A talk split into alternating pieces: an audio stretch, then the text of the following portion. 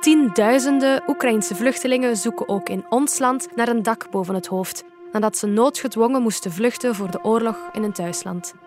Honderden Vlaamse gezinnen maakten al plaats voor hen vrij. En één zo'n gezin is dat van Wendy en Sasha. Mijn naam is Wendy en ik ben 27 jaar. En uh, samen met mijn uh, man en twee kinderen zijn wij een gezin vluchtelingen aan het opvangen bij ons thuis, hier in Brussel.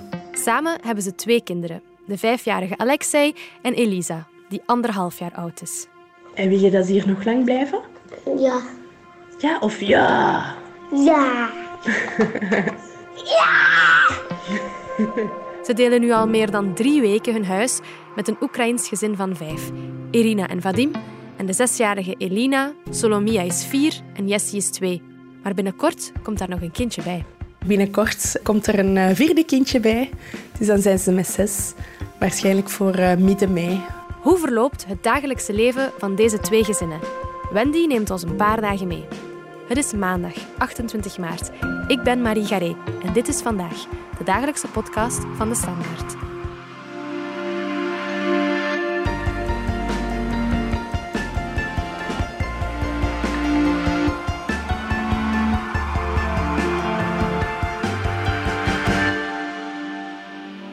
hè? Staat het dan op?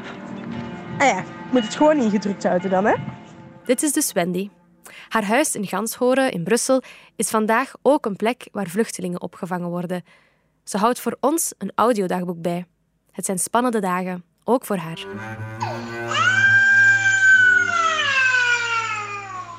Ik kan, eh, ik kan de slaap echt niet vatten. Ja, ik per dat ja. We hebben eigenlijk net onze, onze eerste frustratie gehad in, eh, in twee weken. Wauw, slavo, zroveel ti dokumenten nareszcie. We zijn uh, super gelukkig, super blij, ook heel dankbaar. Ik ben van Oekraïne. Wauw, bravo! Wendy hoopt vooral dat haar gastgezin snel een plaats zal vinden in onze maatschappij. Mijn verwachtingen. In een utopie of een ideale wereld zouden ze natuurlijk al gesetteld zijn, nog voordat ze moet bevallen. Hebben ze zo een, een eigen stekje en kunnen ze hun eigen weg gaan. Ik denk dat dat niet, niet mogelijk is. Hè. Maar mijn verwachtingen zijn wel dat ze het binnen dit en zoveel tijd hun weg vinden in België en een goed leven kunnen leiden. Ons land zal niet hun echte thuisland kunnen zijn, maar ik hoop dat, ze, dat het wel gelijkwaardig kan zijn. Maar er zijn nog heel wat vraagtekens die hun integratie in de weg staan. Waar moeten ze beginnen om alle papieren in orde te krijgen? Hebben Wendy en Sasha de juiste keuze gemaakt door het gezin in huis te halen? En zijn ze niet beter af met een eigen stekje? We zijn nog altijd aan het wachten op een mailtje om dan een document te verkrijgen, om dan naar de gemeente te kunnen. Het laat maar uh, op zich wachten. De mensen die nu in de rij gaan staan en de heizel krijgen dat document meteen, waardoor dat ze zich meteen kunnen laten registreren in, aan de gemeente. Aan de ene kant denk ik dan van, ja, wil ik hen adviseren om dat te doen hè, en om morgen in de rij te gaan staan. Anderzijds, als ze dat papiertje dan niet krijgen. Het is gewoon echt niet zo evident. Irina heeft al een, uh, een dikke buik, is al vergevorderd zwanger, zo met drie kindjes. De hele dag wachten, hen niet naar school laten gaan. Het is echt een beetje een hel waar ik ze op afstuur en ik weet niet eens of dat ze gaan bereiken wat dat we willen bereiken. Dus uh, ja, echt moeilijk. Het werd al snel duidelijk dat de Oekraïnse vluchtelingen meteen een tijdelijk verblijfstatuut zouden krijgen in ons land. U hoort staatssecretaris voor asiel en migratie Sami Medi in de zevende dag.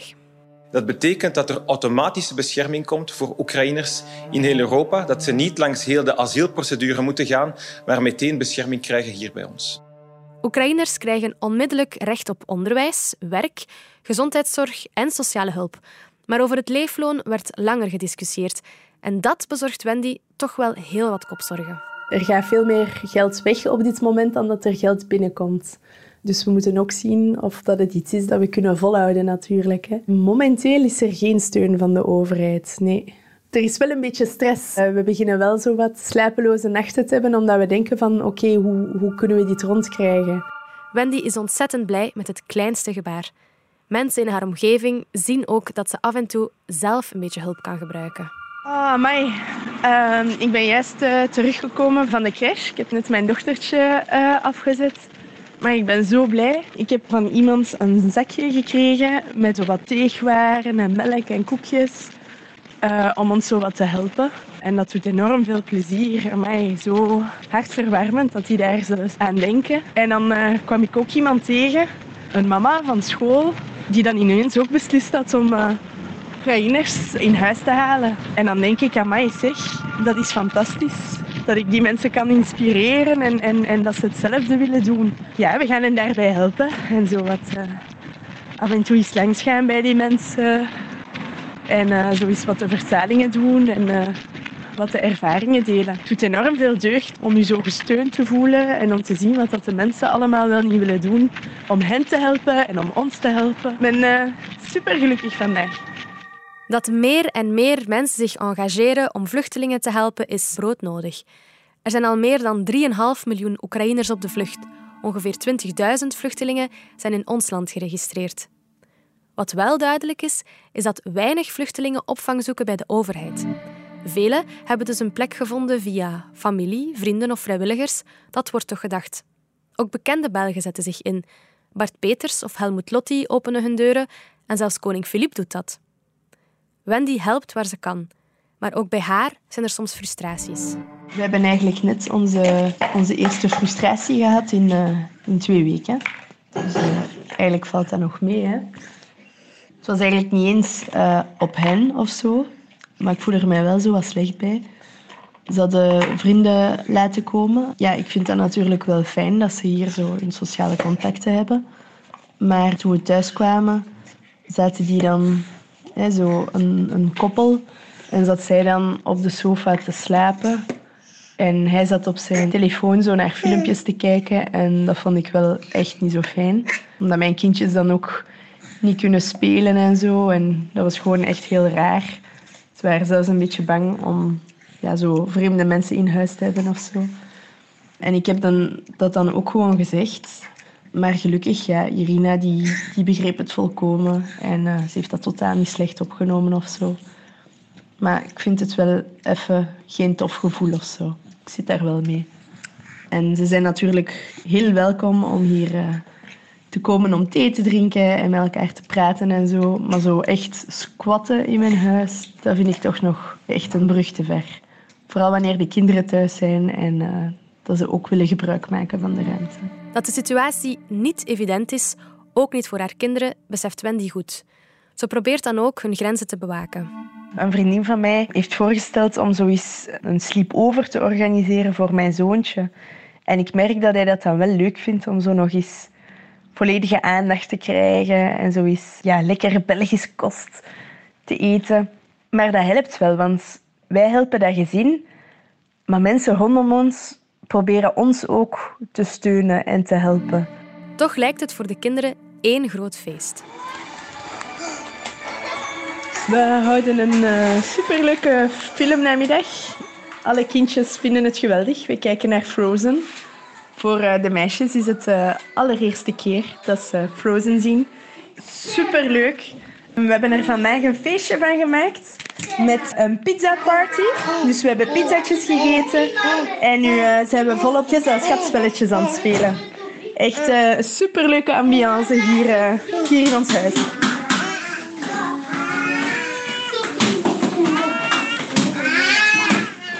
Horen jullie dit? Dat is voor mij het geluid van geluk. Vijf gelukkige kindjes die samen spelen. Fantastisch. maar eh, ook wel de nodige drukte. Dus eh, je moet er een beetje van houden, van die gezellige drukte. Wat geen groot feest is, is de onzekerheid over de papiermolen. Hoewel Irina en Vadim zich al registreerden toen ze aankwamen, moesten ze terug naar het registratiecentrum op de Heizel, om daar urenlang in de rij te staan. Irina, Vadim en hun kinderen staan nog altijd te wachten aan de Heizel. Maar het is mooi weer en eh, we hebben eigenlijk enorm goede hoop dat ze vanavond nog met de juiste documenten weer krijgen. Er was een probleem met de eerste registratie die ze gedaan hadden aan eh, Jules Bordet. Deze keer goede keer dan maar. daar hebben we goede hoop op. En maandag hebben we al een uh, afspraak bij het gemeentehuis. Dat kan ineens heel snel gaan voor hen. En, uh, maar goed ook, want ja, voor de doktersafspraken die eraan komen en dergelijke is het wel fijn dat we al uh, een registratie hebben bij de gemeente, kunnen aansluiten, bij het OCMW misschien. En ook vooral de mutualiteit hè, en een ziekenkaart hebben. Ik ben enorm blij. Er zijn dagen waarop uh, alles een beetje tegen zit. En er zijn dagen waarop alles ineens heel goed gaat en de zon schijnt. En vandaag is eigenlijk zo'n dag. Super happy.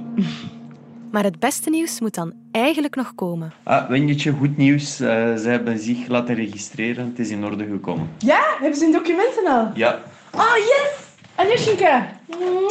Wat? Ze hebben hun documenten gekregen. Elina en Solomia. De documenten. Welke documenten? Dus ze zijn vanuit Oekraïne gekomen. En dan hadden ze documentjes nodig. En dan met die documenten gaan we naar de gemeente kunnen gaan. Maar begrijp je, dat is voor hen een hele belangrijke dag, hè? Want jij hebt zo een identiteitskaartje. En Elina en Solomia, die hebben dat nog niet. En mama ook, die heeft zo'n identiteitskaartje om te zeggen dat ze in België mag wonen. Maar Vadim en Irina hebben dat niet. En nu gaan ze dat misschien wel krijgen. Voor twee jaar, Aljosha. Dan mogen ze twee jaar in België blijven als ze dat willen. Ja, Wenjetje, dus ze hebben zich geregistreerd, maar ze moeten terugkeren omdat Solomia fout geregistreerd is geweest. In plaats van Solomia hebben ze Salami geschreven. Maar nee. Ja. En moeten ze nu heel de dingen opnieuw doen, heel de rij? Back again, ja. Nou, dat is echt wel stom. Ik ga Wendy even onderbreken voor dit. Podcasts zijn hot. This, this is Welcome. En nu ook live. Op het podcastfestival van de Standaard en Oostende. Op 1 en 2 april in Cursaal. Met talks, luistersessies, live-opnames en internationale namen. Zoals Brian Reed van het roemruchte ESTA. The Daily van de New York Times. BBC Newscast. De Deventer Mediazaak. Welcome to the AA. Topdokters, Coolcast en veel meer. Luister samen en hoor meer tijdens het DS Podcast Festival. Een tweedaags feest voor je oren. Info en tickets op dspodcastfestival.be. Irina en Vadim moeten dus een tweede keer aanschuiven aan de heizel. Maar uiteindelijk kunnen ze de juiste formulieren te pakken krijgen om zich in te schrijven in de gemeente. Ik ben eigenlijk een beetje zenuwachtig. Morgen gaan we naar het gemeentehuis met het papier dat ze van de heizel gekregen hebben. En dan gaan we daarmee proberen inschrijven in de gemeente waar dat wij wonen, op, op ons adres. Zodat ze dan uh, ja, erkenning krijgen. En dan waarschijnlijk ook uh, ingeschreven kunnen worden uh, bij de mutualiteit en dergelijke. Dus dat zou ineens heel veel nieuwe deuren openen. Vier. U wordt verwacht aan de balie. Tien. Goedemorgen. Wij komen voor uh, Oekraïns gezin okay. in te schrijven. Oké. Okay. En Wendy, hoe is het gegaan? Ja, eigenlijk supergoed. We hadden de afspraak. De documenten zijn nu binnen, dus ze gaan ons dan bellen of een e-mail sturen wanneer dat we alles kunnen gaan afhalen. Mooi, kijk hoe Wenjetje, bravo. Ja, ik ben kei blij.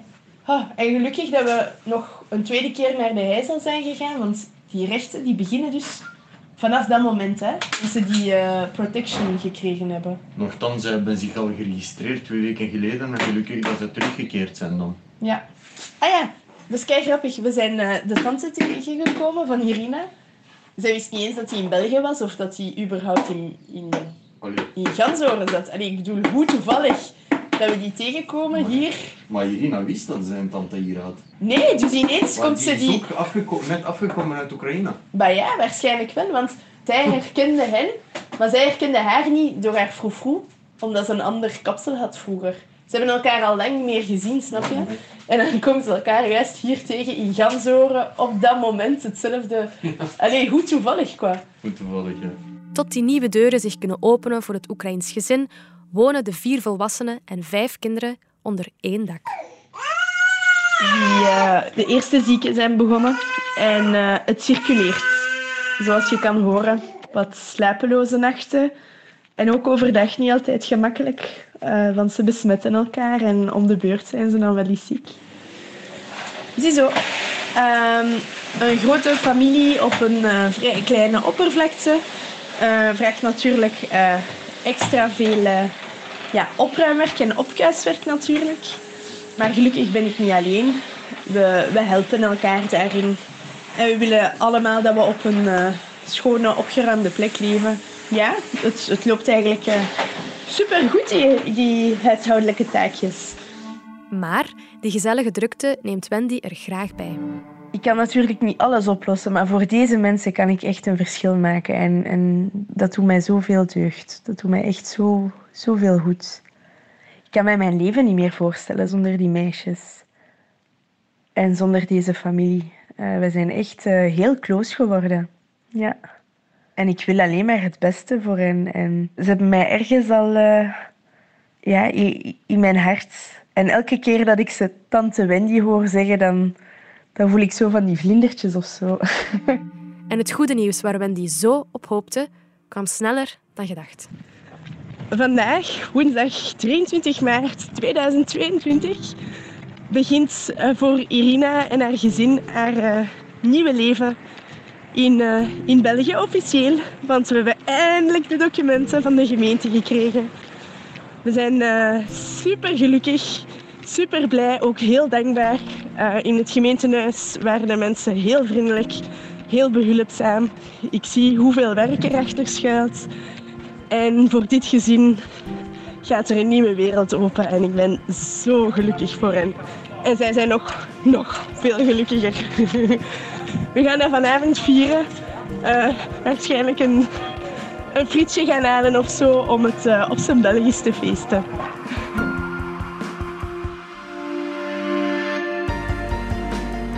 Dit was vandaag, de dagelijkse podcast van de Standaard. Bedankt voor het luisteren. Ken je trouwens deze podcast al, de podcast-app van de Standaard? Daar luister je niet alleen naar onze journalistieke reeksen, je krijgt ook elke week een eigenhandige selectie van de beste nieuwe podcasts op de markt. Alle credits van de podcast die je net hoorde vind je op standaard.be/slash podcast. Reageren kan via podcast.standaard.be. Morgen zijn we opnieuw.